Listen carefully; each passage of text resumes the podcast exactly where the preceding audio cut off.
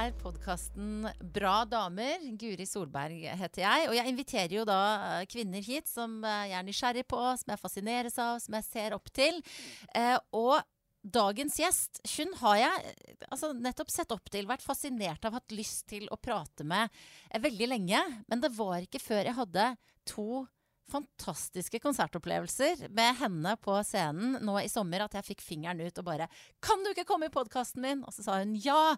Så derfor så er hun her nå. Hun er altså Stjernekamp-vinner. Isak-vokalist, miljøforkjemper, en fantastisk uh, scenepersonlighet. Ella Marie Hetta Isaksen, velkommen hit, Ella. Jo, to, to, tusen takk. Tusen ble, takk. Nå ble jeg helt paff av introduksjonen her. Ja, men du, den kom fra hjertet. Å, takk skal du ha. Virkelig. Og, den, og de, to, de to konsertene jeg fikk oppleve med deg, da, det var jo bare et sånn nanosekund av uh, din festivalsommer. Ja, Hvordan, hvordan har det vært for deg nå som den er liksom på Nå er vi jo i september, det er høst. Hvordan, hvordan har denne spillesommeren vært for deg? Den har vært hektisk, men veldig innholdsrik, og jeg har fått så mange fine opplevelser, så mange fine øyeblikk med publikum. Så jeg er egentlig bare full av energi, og heldigvis så stopper ikke turneen eh, enda. Vi skal til Nord-Norge og turnere resten av høsten også. Så blir det nok en, en større og lengre spillepause til neste år. Eh, men eh, jeg er ikke helt tom ennå. Jeg, jeg er veldig nysgjerrig på det. Det er jo liksom alltid når jeg snakker med musikere som bruker mye krefter på det, men kanskje spesielt etter å ha sett deg i aksjon både på Stjernekamp og, og live, da. Det er jo det at du er så mye mer enn en eller annen person som står der oppe og synger. Det er liksom Selv om jeg ikke alltid skjønner teksten, så kan jeg se at det betyr noe for deg, og dermed så betyr det noe for meg. Altså, det, hvor henter du kreftene til å gjennomføre det eh, kveld etter kveld? Ja, er det nå vi skal bli litt sånn overtroisk? Ja, gjerne det, hvis det er det det er. Nei, men for det har jeg faktisk ikke noe svar på. Nei. Jeg vet ikke akkurat helt hvor det kommer ifra, men jeg merker det i alle fall hver gang jeg går på scenen. Noen ganger litt mer enn andre, men jeg merker en sånn bare en eksplosjon på en måte av energi, og jeg vet ikke helt hva kilden er. Om det på en måte er den historien jeg er en del av som samisk kvinne, eller om det bare er noe fra oven som treffer meg. Nei da, jeg vet ikke. Men jeg har iallfall et enormt stort behov for å komme tilbake til scenen. Og målet er jo alltid å bare gi mest mulig til publikum av meg sjøl. Og da får jeg liksom litt tilbake av det òg. Men hva hvis du står bak der da, eh, på en stor scene, festivalpublikum, og så, eh, vet ikke jeg, har du vondt i halsen, eller du er lei deg for noe som har skjedd, eller noe sånt. Hvordan Mm. løser du det? Og det har jo skjedd mange ganger, begge de tingene du nevner der. Så for eksempel Stjernekampfinalen, så hadde jeg jo kjempefeber. Jeg var, hadde liksom Ja, hadde nesten halsbetennelse og var liksom eh, ganske ute. Eh, Men likevel, når man går på scenen, så er det akkurat som adrenalinet bare fjerner alt det, og så tenker jeg ikke over det på den timen jeg står på scenen, eller Så det er veldig befriende. Og så har jeg jo også stått på scenen med ekstrem kjærlighetssorg. Men da er det enda deiligere å gå på scenen, for da glemmer man det litt. Mm. Og så finner man en kanal for å få det ut. da. Så jeg har både grått og ledd og uh, skrekker på scenen. For det er liksom det rommet jeg har til å vise alle følelsene, der folk aksepterer det. Egentlig Jo mer følelser jeg viser på scenen, jo mer liker folk det. Mens i hverdagen er det jo litt sånn oh, følelser, oh, kleint. Mm. Mm, så jeg tror det er derfor jeg også liker scenen så godt, for jeg er et følelsesmenneske. Og så er det jo eh, mange som omtaler det som en slags terapi, da. Nettopp fordi at i hverdagen, eh, vi som da ikke driver med en sånn utøvende kunst, vi er liksom du sier, ja, hjelp følelser. så det er jo deilig da kunne å synge ut en kjærlighetssorg eller hva det nå skulle være. Hva, hvordan tror du det ville vært hvis du ikke hadde hatt den kanalen, du? Nei, det tror jeg hadde eh, vært inne på et rom og aldri kommet meg ut igjen, egentlig. For jeg har jo hatt eh, mine tøffe perioder på videregående og sånn, der det egentlig den eneste måten for meg å komme meg gjennom hverdagen på, var å når jeg kom hjem fra skolen og bare legge meg med pianoet og bare gråte det ut og skrive musikk. Og etter hvert så ble jo det også jobben min. Og jeg har så mange ganger tenkt på at ah, det må være så kjipt da for folk som opplever sånne kjipe ting, og da klarer å gå på jobb hvis ikke jobben din er terapien din. For det er det på en måte for meg. Så det er jo et kjempestort privilegium. egentlig at i tøffe perioder så vil jeg jobbe mer. Det Men kan det, være, kan det være motsatt også? At du på scenen er nødt, nødt til å gjenoppleve vonde Ja. ting? Absolutt. Og det har jeg merka veldig nå, når jeg er liksom on top of life, liksom, og bare elsker livet. Er kjempeforelska, liksom Alt er bare bra på stell, og jeg har familie og venner som er glad i meg, og så er jeg bare så lykkelig. Og så da å skulle gidde å gå på scenen og gjenoppleve de vondeste minnene, eller bare å skrive musikk, og, gje, og gjenoppleve å gå inn i de, de, de triste følelsene igjen, det kan jo også føles som et sånt ork og unødvendig, unødvendig tiltak i hverdagen. Er, er det låter du ikke spiller fordi at du tenker at uh, jeg orker ikke? Uh, nei, det var en gang vi holdt på å stryke en låt fordi jeg på lydprøven så bare Jeg klarte ikke å gjennomføre den. Uh, for da var vi tilbake i Alta, på, og vi hadde ikke spilt der på lenge. Og da skulle vi synge den låta da, 'In Comparison', som jeg skrev der. Eh, og så ble det bare sånn eh, Ja, jeg ble eh, så utrolig slått av de følelsene igjen da som jeg hadde akkurat der når jeg skrev den låta. Så da holdt vi på å ikke ikke fremføre den, men jeg tenkte jeg jeg må bare. Og om jeg gråter litt, så får det bare være det er ærlig, liksom. Hvordan gikk det når du sang den? da? Det gikk eh, bra. Stemmen brista litt sånn nå begynte å skjelve. For når man er på gråten, så begynner jo stemmen å sånn skjelve. Men, Ja. Men jeg henter meg inn igjen. Ja. Ja. Og det var en sang som du skrev uh, da du bodde i Alta og Mhm. gikk på videregående. Mm. Eh, sikkert flere som hører på denne podkasten, som også er fan av min venn Ida Fladens podkast med hjertet i hånden. Jeg mm. hørte den uh, for noen dager siden, uh, hvor du forteller om sikkert noe av det som lå til grunn for den låta som du nevnte nå, da. Mm. At du hadde en Det var vel ikke en kjæreste engang, men en type som du Mm. hadde et uh, forhold til, og som var utøvde psykisk og seksuell vold mot deg over Mm. veldig lang tid. Um, så tenkte jeg når jeg hørte på det, liksom, åh, kan jeg spørre henne om dette? Eller er hun liksom Det må være tung altså, Det var en nydelig podkast, veldig sterkt å høre på hvordan du fortalte om det. Eh, Hvordan opplever du selv å skulle snakke om noe som er såpass tøft? For meg gir det en mening til sorgen. Jeg har hatt mange tøffe kvelder for meg sjøl, der bare jeg på en måte har forstått min egen situasjon. Men da å liksom finne en mening i det, å kunne hjelpe andre, gjør jo at det føles litt verdt det. Mm. Eh, og det var et valg jeg tok, fordi jeg, jeg trenger å få ting ut. Eh, men det å dele det med hele verden, eller alle som ønsker å høre, eh, det gjorde jeg ikke for meg sjøl, tror jeg. Det tror jeg jeg gjorde fordi jeg vet at det er veldig mange andre som har det sånn, og jeg ville prøve å strekke ut en hånd til dem. Og det har jeg fått en bekreftelse på at det hjalp, for jeg får enda meldinger fra jenter spesielt da, som er i lignende situasjoner, og som ja, noen har til og med sagt at det red- redda livet deres, liksom, å høre det. Og nå vet jeg ikke om det er sant, jeg, men på en måte Da Det har jeg iallfall forsøkt. Ja. Når du ser tilbake på den tida som eh, åpenbart var veldig tøff for deg, hva er det hva er det, det verste å tenke på eh, når du ser tilbake på det? Hmm. Det verste å tenke på må jo være at um, At jeg mista meg sjøl litt. At um, Jeg vil ikke si at det var tre år av mitt liv der jeg på en måte ikke var meg sjøl, for det er jo absolutt en viktig del av meg. Men det er jo veldig urettferdig å se tilbake på at jeg var jo mm, på en måte godtroende naiv, egentlig. Jeg liker egentlig ikke ordet naiv, for jeg var godtroende. Og det er jo egentlig veldig fint å være. Eh, og da ble på en måte jeg utnytta i en sånn situasjon. Mm, det er jo litt sånn Man kan bli litt sint av det, da. Men samtidig er jeg jo på en måte takknemlig for at jeg gikk gjennom det der. Og så Og nå har jeg radaren.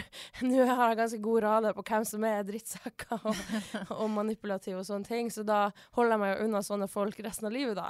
Og det er jo fint. Men, men på hvilken måte preger det deg i dag, den opplevelsen du hadde da? Mm, ja. Jeg er jo i et forhold nå, da. Um, I et veldig sunt og fint forhold. Men um, det har jo prega mitt forhold til min kjæreste i dag veldig. Em, ja, uten at jeg skal begynne å grine. Men det, jo, det føles jo litt sånn urettferdig at eh, noe en annen mann gjorde mot meg på en måte kommer i fanget på han som egentlig bare vil meg godt. ikke sant? Så vi har vært sammen nå i ett og et halvt år. Og det er først nå at på en måte jeg klarer å være trygg på han, også i intime situasjoner. Så det har vært en kjempelang prosess å klare å puste og ja, nyte hverandres nærvær uten å hele tida være livredd for at noe forferdelig skal skje i neste øyeblikk. Mm. Hvor vanskelig er det å ikke bli bitter? du, det klarer jeg ikke. Det må jeg bare innrømme en gang at jeg, jeg er kjempebitter i ja. perioder, og det, det, er jeg ærlig på, liksom. Bitterhet det har vært en del av min prosess, og eh, å snakke skit om folk som er skit, det på en måte, det må være lov. Ja, og, så, og, så blir, og, så, blir, man ferdig med det. Og nå føler jeg litt sånn Ja, nå er jeg ferdig med det. Men eh, jeg har vært bitter lenge. Hva er det du skulle ønske du visste da, som du vet nå? Som du kunne sagt til deg sjøl når du sto midt oppi dette jævelskapet? Jeg skulle ønske jeg visste at sånn type kjærlighet ikke er kjærlighet, og at ekte kjærlighet er fri for vold. Mm. Og at jo før du kommer deg ut av det, jo før blir du frisk igjen, da, eller god igjen i hodet. mm. Ja, for jeg utsatte veldig lenge å gjøre det jeg visste var riktig, da. Og komme meg vekk fra det der. Ja, og det er jo det som historien viser er så sjukt vanskelig, da. Ja. Eh, uansett hvilken type vold man blir utsatt for. Men mm. jeg kan se for meg at det, altså, på en måte, når det ikke er altså, Hva skal jeg si? Et slag er så liksom så konkret, ja. da. Håndfast. Se, dette gjorde han. Ja. Men den følelsen av å, å bli på en måte trøkka ned Absolutt. Er, Husker du når du liksom vet ikke, et øyeblikk hvor du skjønte hva det var som foregikk, på et vis? Ja, det var mammaen min og jeg som gikk en tur eh, i romjula for eh, tre år siden, blir det vel, eller noe sånt. Nei, to år siden. Ja. Og da bare fortalte jeg henne igjen om han, da. Eh, han som hadde såra meg. Og jeg fortalte egentlig akkurat det samme som jeg hadde fortalt så mange ganger før, for hun var veldig viktig for meg gjennom det der. Men så var det akkurat som hun på en måte bare skjønte alvoret for meg, og så sa hun Ella, du har vært utsatt for vold. Jeg, ser det nå.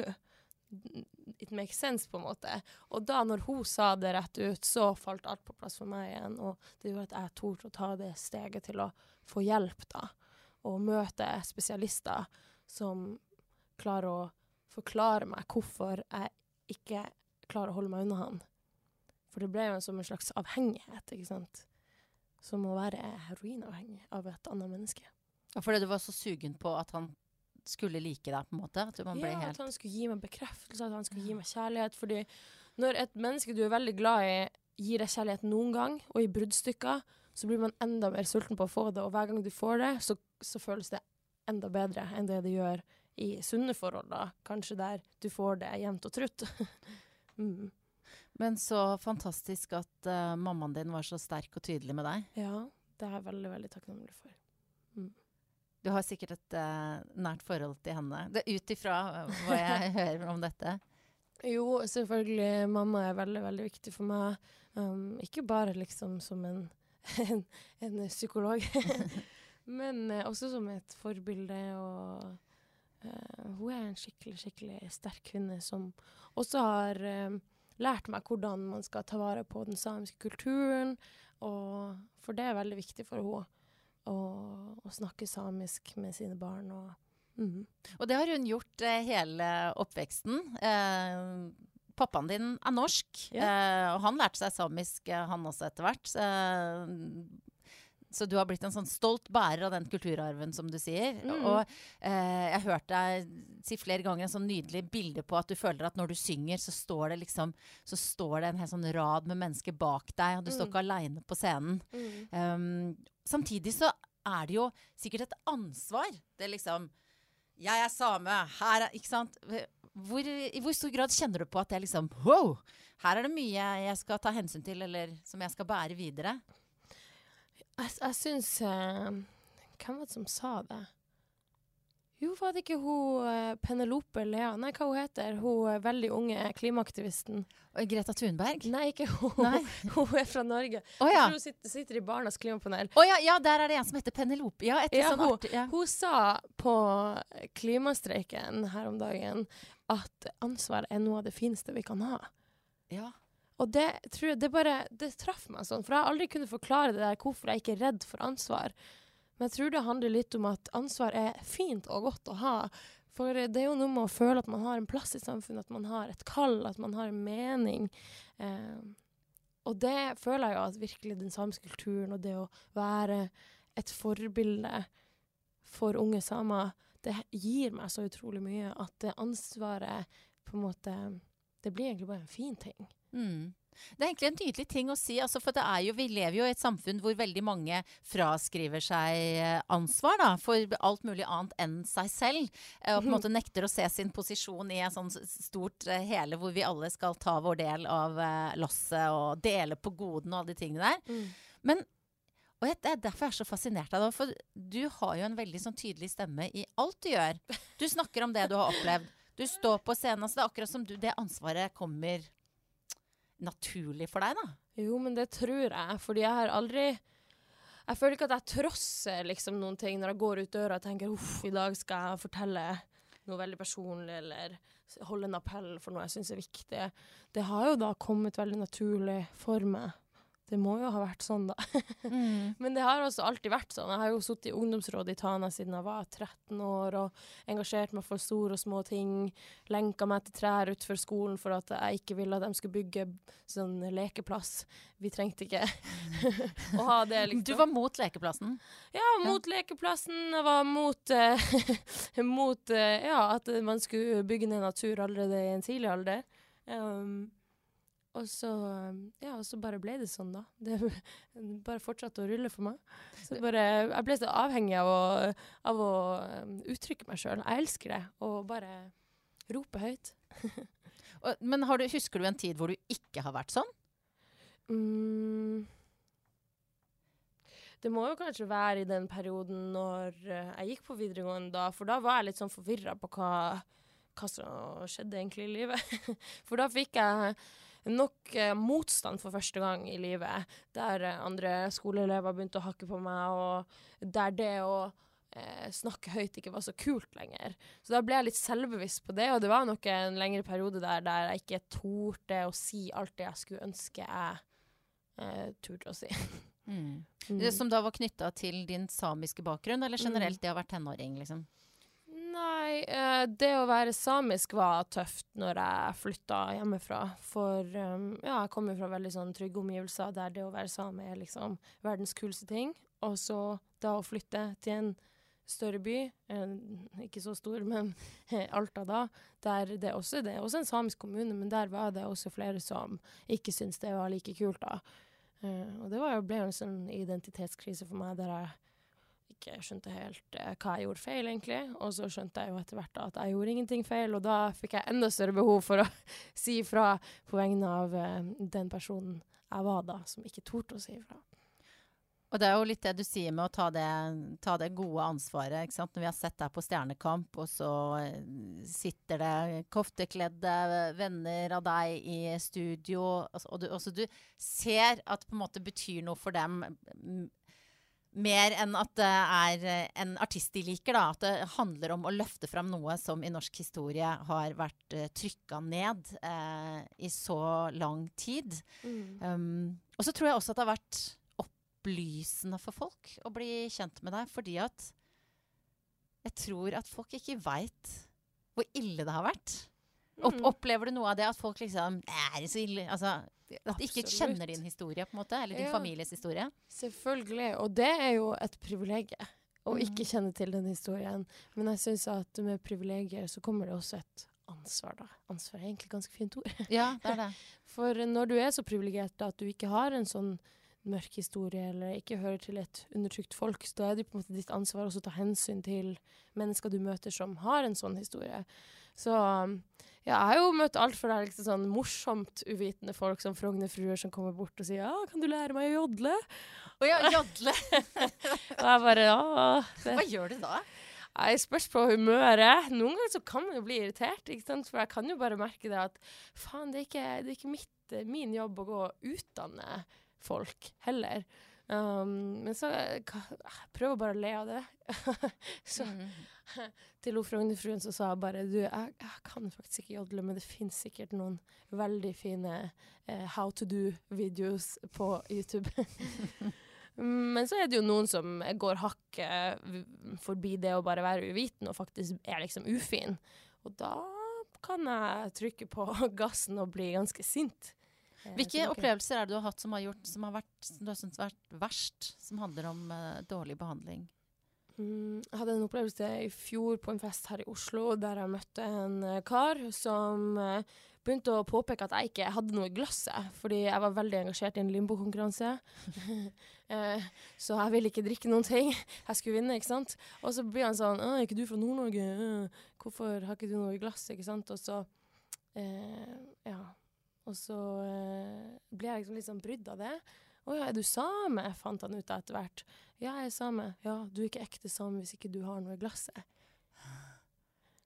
Og for meg ble det veldig sånn Bare Det traff meg nok hardere enn det han trodde, for jeg har jo en familie som veldig mange i Finnmark har eh, noen som er alkoholiserte, og der man har en historie om at alkohol er brukt som et middel i fornorskninga. Og det, det falt ikke i god jord. Er det det heter? Det det heter. Hvordan reagerte Hva gjorde du da? Jeg skjelte han ut. Skikkelig lenge. For han forsvarte seg og forsvarte seg, og jeg skjelte han ut og skjelte han ut. Og så til slutt sa jeg 'du er rasist'. Og da begynte han å backe. Jeg bare 'nei, nei, nei, nei, nei sorry, sorry'. Hvor, og det var sånn at festen liksom stilna litt rundt dere, eller? Mm, nei, det kan jeg ikke huske at det var. Det er jo ikke sånn eh, Nå skulle jeg ønske at det ble For det hørtes mer dramatisk ut. Jeg bare så for meg Ja. sånn Nå skal Ja. du høre her! Nei, det var ikke helt sånn. Snakka kjæresten min. Han er jo fra Asker, ikke sant, og han har jo virkelig fått det her nå. Eh, lynkurs i hvordan det er å være undertrykt same i den perioden vi har vært i lag. Så han har jo vært med på en og annen episode. Han prøver å backe meg, sier han ja, ja, og sitter og backer meg for alt jeg sier. Uff, det var komisk. Ja, men det er veldig bra. Nå har du jo liksom nevnt kjæresten din med stakkar to ganger. Først med at han må deale din, eh, med din historie fra Alta og videregående, og så at han må takle hele den undertrykte samefolkets eh, historie på en lørdagskveld. Men du vet jo, det er jo det liksom eh, eh, Universet vil jo av og til sånn at man finner de som tåler en, da. Som er Ja. perfekt, som har rygg til å bære deg. Ja. Hvor fant du han hen? Eh, fant han i et musikkstudio. Ja. ja. Eh, jeg, jeg, fant han der, heldigvis. To meter høy og vakker kar. Så bra. Mm. Søring, som pappa ville sagt. Men er han, god, er han godkjent av, eh, av eh, politipappa Ja. og mammaen din? Jo, han er veldig godkjent, altså. Men eh, Lars, kjæresten min, da, han var litt i tvil der i periode. For første gang jeg tok han opp til Kautokeino i påske. Eh, da møtte han mamma for første gang, og storfamilien i samme slengen. ikke sant? 15 søskenbarn. I samme stue. Eh, men da skulle pappa da eh, gjøre sin versjon av å bonde, da. Og spurte Lars om ikke han ville bli med på skutertur. Og Lars bare har aldri kjørt scooter før i hele sitt liv. ikke sant? Bare, ja, ja, jeg kan jo bli med. Så pappa satte seg på scooteren, og så satt han Lars i sleden, da. Så begynte bare pappa å kjøre ut mot vidda. Og minuttene går, og til slutt har Lars sittet der i en halvtime uten å ha hatt noen form for kontakt med pappa. ikke sant? Og så begynte jo pappa, nei, Lars å bli litt nervøs for at pappa ikke likte han, og at han skulle kjøre han ut på fitta og bare levne han der. Så Lars hadde jo ringt mora si i, i den der situasjonen da, og bare 'Mamma, mamma, jeg tror ikke, jeg tror ikke svigerfar liker meg. Jeg tror ikke han liker meg.' Men det, det var bare pappa sin måte å bonde på, da. Ja, se, liksom, se om han tålte kulda, så ta han med inn igjen. Og så, Ja. Da prata de kanskje litt, da. Ja, det er jo kanskje det. Du, altså, jeg bet meg merke i noe du sa i stad, nemlig eh, limbokonkurranse. som du ville. Jeg er faktisk veldig god i limbo. Ja, er det, er det en side av deg som vi burde ha visst mer om? Absolutt. eh, jeg har alltid vært veldig eh, Sochil, heter det på samisk. Hva det heter Tilbøyelig. Ja. I, nei, bøyelig, ja. I ryggen. ja, nettopp. Ja. Ja. ja. Så når jeg var liten, så fant jeg ut at jeg hadde det her talentet da. Så eh, da brukte jeg briefe med det på skolen da, og kunne liksom mm, få tærne på, på nesa, sånn Oi. bak, hvis du skjønner. Det er sånn sirkusprinsesseaktig. Sånn har jeg kunnet Jeg kan ikke det eh, nå. Jeg kan få det liksom på toppen av hodet, men ikke helt ned til nesa. Oi. Ja. Så i limbo-konkurranser, da vinner du stort sett? Ja, stort sett. Og hvordan er det med konkurranseinstinktet ditt? Det lever i beste velgående. Hva, men, eh, du har jo da konkurrert i uh, musikk flere ganger, men Yes. er det andre ting du har, bruker dette konkurranseinstinktet i? Uh, på skolen eksempel var det veldig viktig for meg å få beste karakterer. Og være best i alt, egentlig. det er veldig viktig for meg. Ja. Var du det, da? Stort sett. Var Er det lov å si? Ja, det er lov. Absolutt. Ja, jeg føler jeg var rimelig habil i det meste. Og Mm. så hadde vi også Jeg var faktisk ganske god i idrett også. Uh, veldig god å svømme. Uh, jeg og han gutten som var to år yngre enn meg, vi var alltid de beste som svømte. For hele ungdomsskolen svømte i lag i Tana da, vi var ikke så mange. Uh, og når vi da skulle svømme sånne langdistanser og sånne ting, da ga jeg altså, da ga jeg jernet. Da var det bare å peise på, komme først i mål. Jeg tror vi svømte en mil en gang, eller noe sånt. Nei, tuller du med meg? En mil? Er det litt mye, kanskje? Jeg husker ikke. Men Ja, men det svømte- går jo an. ja, vi men- svømte iallfall jævlig langt. Jeg tror det tok meg sånn 40 minutter, og jeg var helt ferdig etterpå, men det var liksom viktig å vinne, da. og, men, Skikonkurranser også. Vant ti år på rad. Trente aldri, men jeg skulle vinne. ja, men hvordan er det nå? Driver du med sånn ski og svømming og den slags nå også? Nei, jeg er litt dårlig på å trene. Mm, men jeg liker å liksom Jeg har satsmedlemskap, da, men annenhver måned er jeg sånn støttemedlem, bare. Men for det du holder på med på scenen er jo ganske krevende, det å kunne hoppe rundt sånn som du gjør, og samtidig kunne bære den røsten din. Mm. Hvordan er det du holder deg i form til det?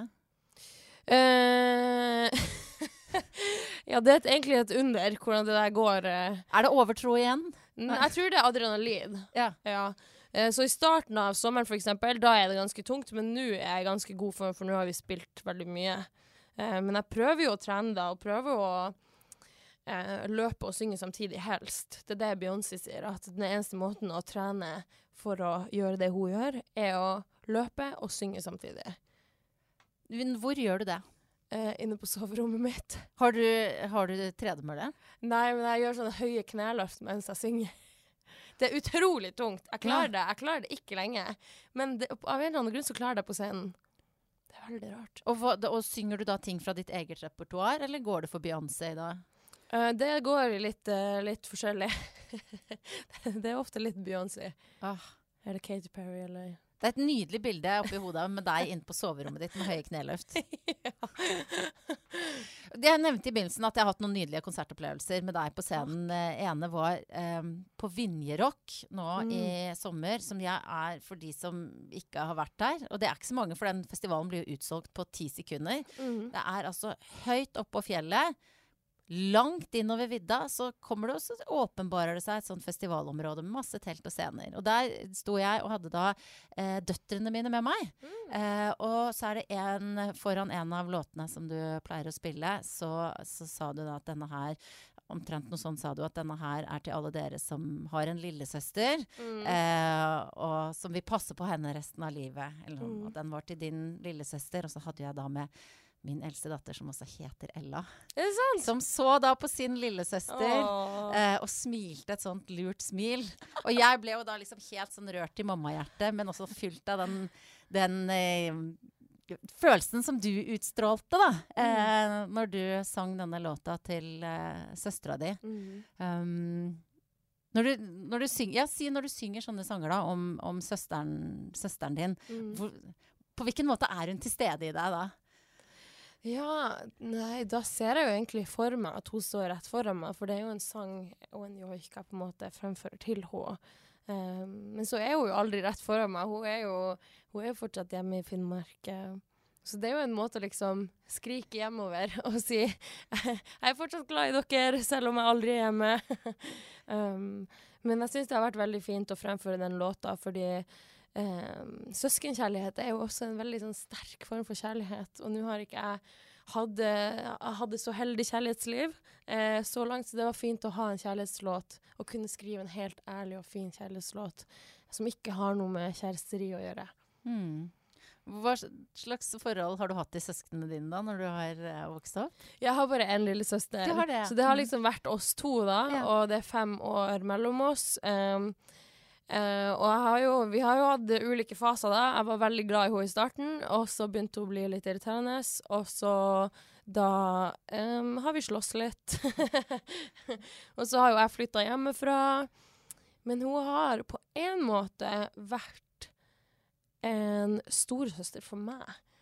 For vi er to veldig forskjellige mennesker, og hun er veldig tøff. Og ikke like emosjonell, vil jeg si, som det jeg er. Jeg er litt sånn kaos, og hun er litt sånn rolig.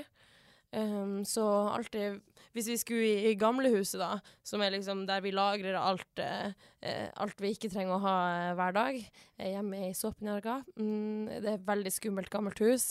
Uh, hvis vi skulle inn dit og hente et eller annet til mamma eller noe, da torde ikke å gå inn først, så jeg sendte alltid min tre år gamle lillesøster inn døra først for å liksom gå inn etter henne.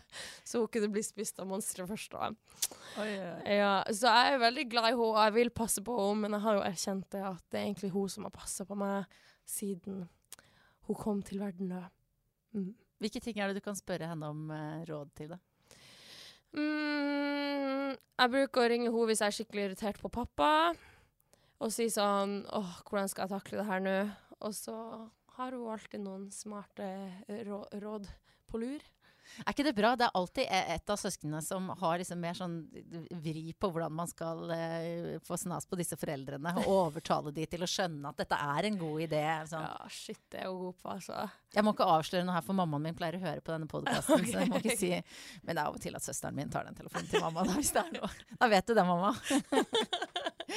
det er jo ofte litt sånn. Ja. Men du reiser, skjønner jeg, med jevne mellomrom eh, til foreldrene dine, og er vel sikkert litt sånn Jeg vet ikke, du reiser jo eh, veldig mye da, gjennom, eh, gjennom mm. året, men du bor i Oslo. mm. Hvor, hvor, sånn, hvor ser du for deg at du ender opp igjen når du Hella Marie blir voksen? Det er jo som om du ikke er det, men når du, hvis du skal slå deg ned. Ja, jeg tenker ekstremt mye på det der, faktisk. Gjør du det? Ja, jeg gjør det, fordi det er jo litt sånn identitetsspørsmål, egentlig, da. Hvem er jeg? Og en stor del av hvem jeg er, er jo egentlig hvor jeg kommer fra.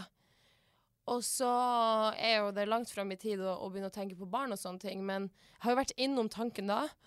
Og det er litt sånn merkelig å se for seg at mine barn skal snakke søring til meg Mm. det blir jo litt eh, Det blir litt rart, liksom. Um, så en del av meg håper at hjemmelengselen eh, treffer meg veldig hardt midt i panna snart, så jeg bare må flytte nordover.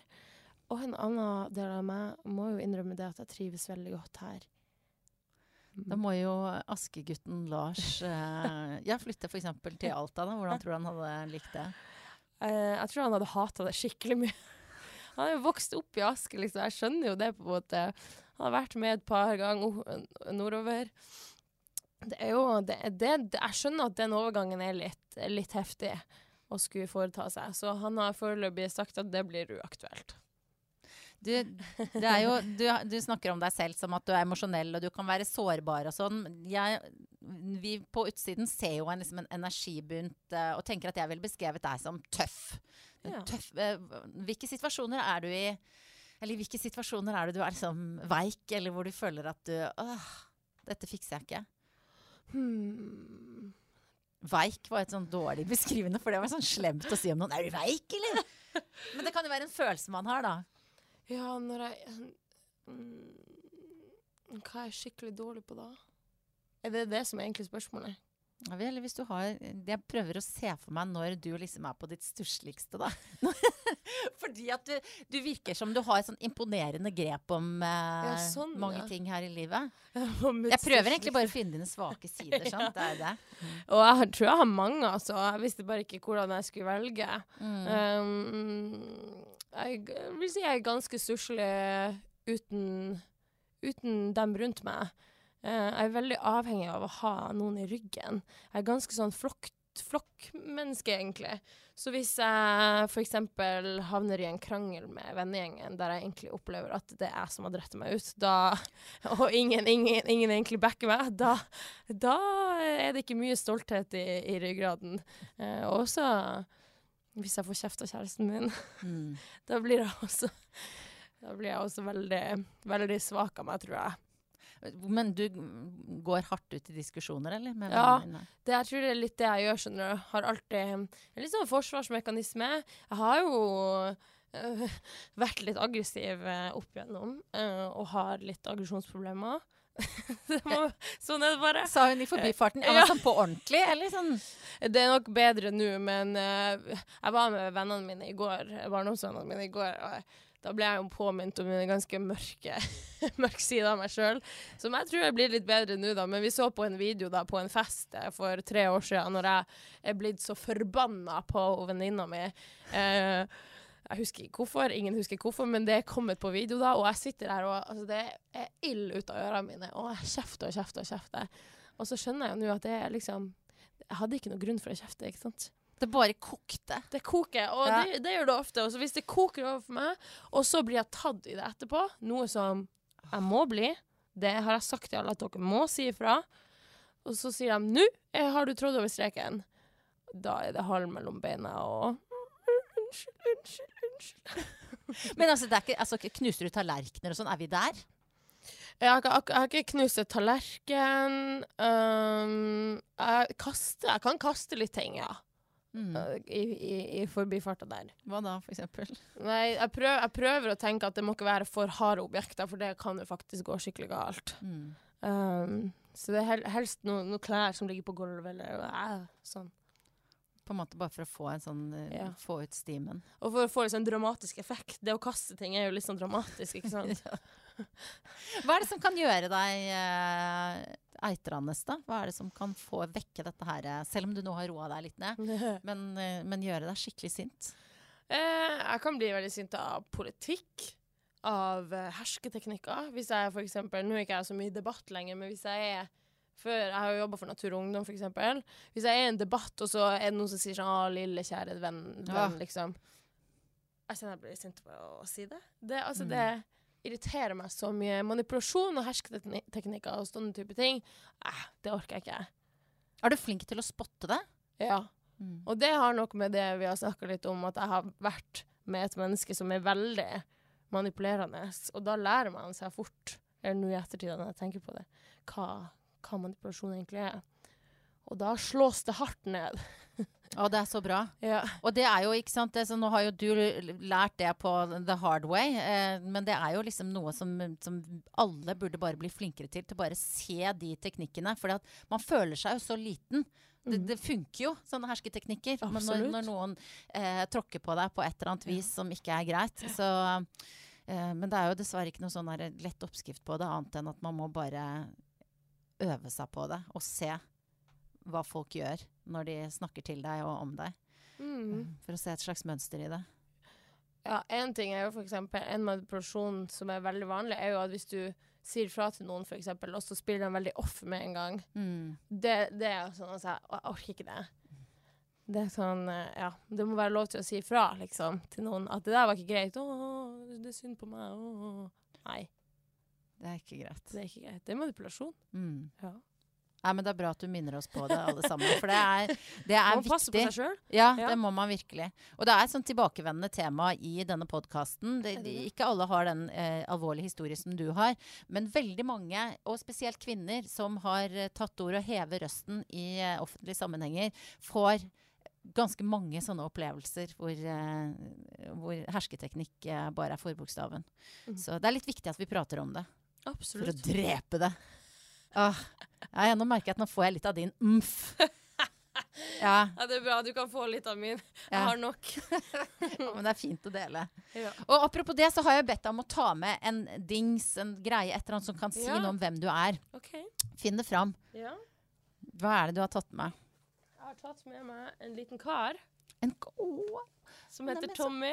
Er det Tommy? Det er han Tommy. Å gud, og han er sånn skikkelig Veldig slitt og veldig søt. Veldig slitt kosebamse. Fortell meg om Tommy. Tommy fikk jeg julaften eh, når jeg var ni år gammel, av gudfaren til lillesøstera mi, da, som Mm. het Tommy. Hei, hei, Tommy. og da kalte jeg da bamsen som jeg fikk fra han, for Tommy. Um, og han er det, det mannfolket jeg har hatt lengst forhold med i mitt liv. Her er en veldig vellykka kjærlighetshistorie Ja. som mellom meg og Tommy. Han har jeg rett og slett tilpassa sovestillinga mi til. Jeg trenger å ha han mellom liksom sånn inntil brystkassa og klemme rundt han, og så sover jeg sånn på sida. Og dette, eh, dette er liksom nå også? Det er nå. Ja. Ja, så det tror jeg aldri jeg har sagt i offentlig sammenheng. At jeg, jeg, jeg, jeg sover med bamse hver natt. Eh, også med kjæresten min til stede. Der. får han bare vike. Da skal jeg kose med Tommy. Det er veldig koselig. Eh, Lars Frasker blir jo et litt sånn gjennomgangstema også Ja. her. Hvordan, hva syns han om Tommy når han ligger der ved din side sammen med han? Jeg tror han er litt sjalu noen gang. eh, og han har hatt et par episoder der hvis jeg går på do, og så kommer jeg tilbake, og så, og så sitter han og tar kvelertak for Tommy. Men da blir jeg sint. Så da får han bare drite i det. Tenker du noen gang at du, um, har voks, at du bør, burde vokse fra Tommy? Nei. Det har jeg ikke tenkt å gjøre i det hele tatt. Jeg tror Tommy blir med meg resten av livet. Men har du han med når du reiser rundt òg? Eh, nei, jeg har faktisk ikke det, fordi jeg er så redd for å miste han. Ja, Det hadde vært skikkelig tragisk, faktisk, å miste Mm. han. Herregud. Nei, jeg må ikke miste Tommy. Som har et sånn litt sånn Mona Lisa-smil, syns Ja, jeg, der han sitter i armkroken din. Og så er han bare så uskyldig. Og så bare det her ansiktet, å se det her ansiktet hver Ja. gang du kommer hjem, det er bare så Føler ikke du deg velkommen da? Jo, veldig. Ja. Men dette her er jo da åpenbart en eh, Unnskyld at jeg kaller deg en ting, Tommy, men en, en, noe du er veldig knytta til. Mm. Har du mange ting i livet ditt som du på en måte er redd for å, like redd for å miste som Tommy? Nei, jeg prøver ikke å være så materialistisk av meg, og jeg tror faktisk ikke jeg er det heller. Jeg er ikke sånn veldig sånn som samler på ting og sånn, så det er liksom Tommy. Og så føler jeg at han er litt sånn Han representerer jo litt hele livet mitt. da. Han har jo vært med meg siden jeg var ni år. Jeg har bodd i Tana, så har jeg flytta til Alta. Han har sett meg gråte, han har sett meg skrive de låtene jeg turnerer med. og han har blitt med meg til Tromsø, jeg har bodd der, og så ble han med, med meg hit til Oslo, da. Sett meg, sett meg gjennom hele livet. Ja, og til og med hit i podkaststudio. Ja, men han har ikke reist på lenge. Nei. Men, det, men, men du skal det nå eh, snart igjen. Igjen. Fortsette og fortsette. Ja, vi skal til Svalbard nå eh, på torsdag. Oi. Ja. Har du vært der før? Jeg har aldri vært på Svalbard før. Det blir helt fantastisk. Du vet at alle, Jeg har heller ikke vært der, men alle som reiser til Svalbard, det er som med New York. Det alle har sånn at de må tilbake, og at det er noe helt spesielt. Mm. Ja. Ja, det er det jeg også har hørt. Jeg har også hørt det om New York, faktisk. Så Ja. jeg er veldig spent på hva denne stemninga alle prater om, faktisk er. Ja. Utover det at du nå helt åpenbart har konkrete At du skal reise, at du skal spille, sikkert eh, til langt inn i framtida. Mm. Eh, hvor mye er du sånn som har sånn fremtidsdrømmer og fremtidsmål? Uh, Nå føler jeg at jeg er veldig opptatt med å leve drømmen min. Ja. Så jeg drømmer ikke like mye og like stort som jeg kans kanskje gjorde før. For det var jo akkurat det her jeg drømte om å gjøre. Mm. Men jeg har drømt om akkurat det her veldig lenge, og jeg så det, ja, så det for meg veldig tidlig. Hvor tidlig da? Eh, jeg har jo spilt teater siden jeg var seks år gammel, og har jo siden da bestemt meg for at jeg skulle stå på scenen. Um, men jeg har jo sett for meg liksom, Wembley Stadion. Eh, om det kommer til å skje, tviler jeg kanskje litt på. Eh, man blir jo også litt mer realistisk med årene. Men eh, jeg ser jo for meg et liv der jeg skal fortsette å skrive musikk og kanskje spille litt teater igjen. Jeg vet ikke. Ja, for du var, spilte du også revy? Nei, det var mamma som gjorde. Oh, ja, ok. Ja, for det, det var artig å se for meg deg som en litt sånn Oluf-aktig karakter, eller som parodierer. Så du så ikke helt det. Nei, jeg var veldig Jeg har vært litt sånn blodseriøs kunstner hele livet, egentlig. Mm, Kunsten min er for de melankolske følelsene. mm. Ja, har du er det fordi du har så mye av de selv? Ja. Det tror jeg. Og så syns jeg kunsten er vakrest når den er litt trist. Ja. Det er egentlig det. Og så bare liksom slippe løs det der mørket litt. Det er deilig. Ja. Mm. Ja, egentlig. Men så er det også de trivielle tingene, sånn som de tre faste spørsmålene jeg stiller til alle mine podkastgjester. Som er eh, Ja, ja, du kan fylle de med melankoli hvis du vil. Det ene er hva spiste du til frokost i dag? Um, jeg spiste faktisk tre hele brødskiver med jordbærsyltetøy. Er du et vanemenneske på, på frokostfronten? Ikke i det hele tatt. Nei. Nå om dagen så er det ikke så mye frokost, så det var litt flaks at jeg spiste frokost i dag. Akkurat når jeg bestilte spørsmålet. Hva, hvor lang tid brukte du på å finne ut hva du skulle ha på deg i dag? Og da må jeg Mm. bare fortelle om den fantastiske genseren Ella Marie har på seg, som er altså en grå collegegenser med en eh, rosa ring rundt portrett av Dag Otto Lauritzen. Yes. Da går hun! Ja, da går du. Ja, det er nydelig. Hva er bakgrunnen for Hvor lang tid brukte du på å finne dette antrekket? Mm, ikke mange sekunder. Nei, det, var, det, var, det bare lå foran meg. Yes, det her skal jeg ha på meg i dag. Ha, har du et, uh, et godt forhold til Dag Otto Lauritzen? jeg har aldri møtt Dag Otto, så jeg føler at nå, ja, jo mer jeg prater om han, jo rarere blir det å møte han om jeg noen gang gjør det. Men jeg syns han må jo være Norges eh, kuleste mann, da. Ja, trivelig type. Ja, han er jo bare Altså, først så når jeg så han på TV og sånn, han er jo veldig, han er jo veldig eh, langt fra det å være nordnorsk, på en måte. For han er jo veldig jovial og veldig sånn Eller folk i Nord-Norge er jovial, men han er veldig sånn positiv. Ja. Super Altså helt sånn sinnssykt positiv. Og først var jeg litt sånn Nei, det er litt jeg kan ikke tro på at han egentlig er sånn. Men jo mer jeg har sett på han på TV, på Huskestue f.eks., og sånne ting, så har jeg jo skjønt at han er jo bare skikkelig, skikkelig glad i livet. Og det inspirerer meg så, så mye. Ja, så eh, jeg liker, jeg liker han. Jeg håper du har på deg den genseren den dagen du endelig får møte han. Det er et sånt fint øyeblikk der. Sånn, ja, god dagen, ja. Å, det hadde kanskje blitt litt merkelig. Det neste spørsmålet er når hadde du sex sist? Oi, er det sant? Det, ja. det er sant. ja, det er i går. Ja. Og da vet vi jo alle hvem det var med. Men, mens Tommy lå i den andre armkroken. Wow, for et si. bilde! For Ja, et bilde. For et bilde! Nå hadde jeg allerede det av deg som sto med høye kneløft, men nå er det Tommy og Lars og ja, alltid skjønt Bjuda på, som Ulrikke bruker å si. Ja, Brandstorp. ja, det er nydelig at du gjør det. Jeg pleier også å stille mine smarte, gode gjester eh, eh, følgende spørsmål. Okay. Hva Ikke hva er meningen med livet, men ikke sant, bra damer. Det er jo, jeg inviterer jo folk hit, og jeg mener jo at alle damer er jo bra på et eller annet vis. Men hva mener du, hvis du skal liksom beskrive en bra dame, hva er hun for deg? En bra dame må jo være en som står opp for andre, tror jeg. Det liker jeg veldig godt i, i mennesker generelt, men kanskje spesielt damer.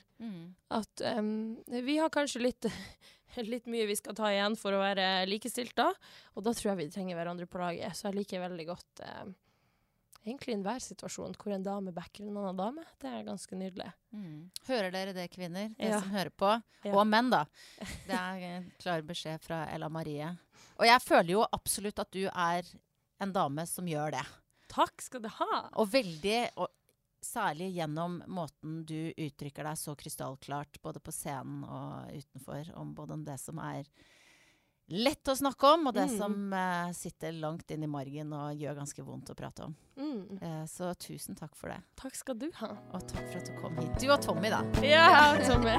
Takk for at jeg fikk komme. Tusen takk.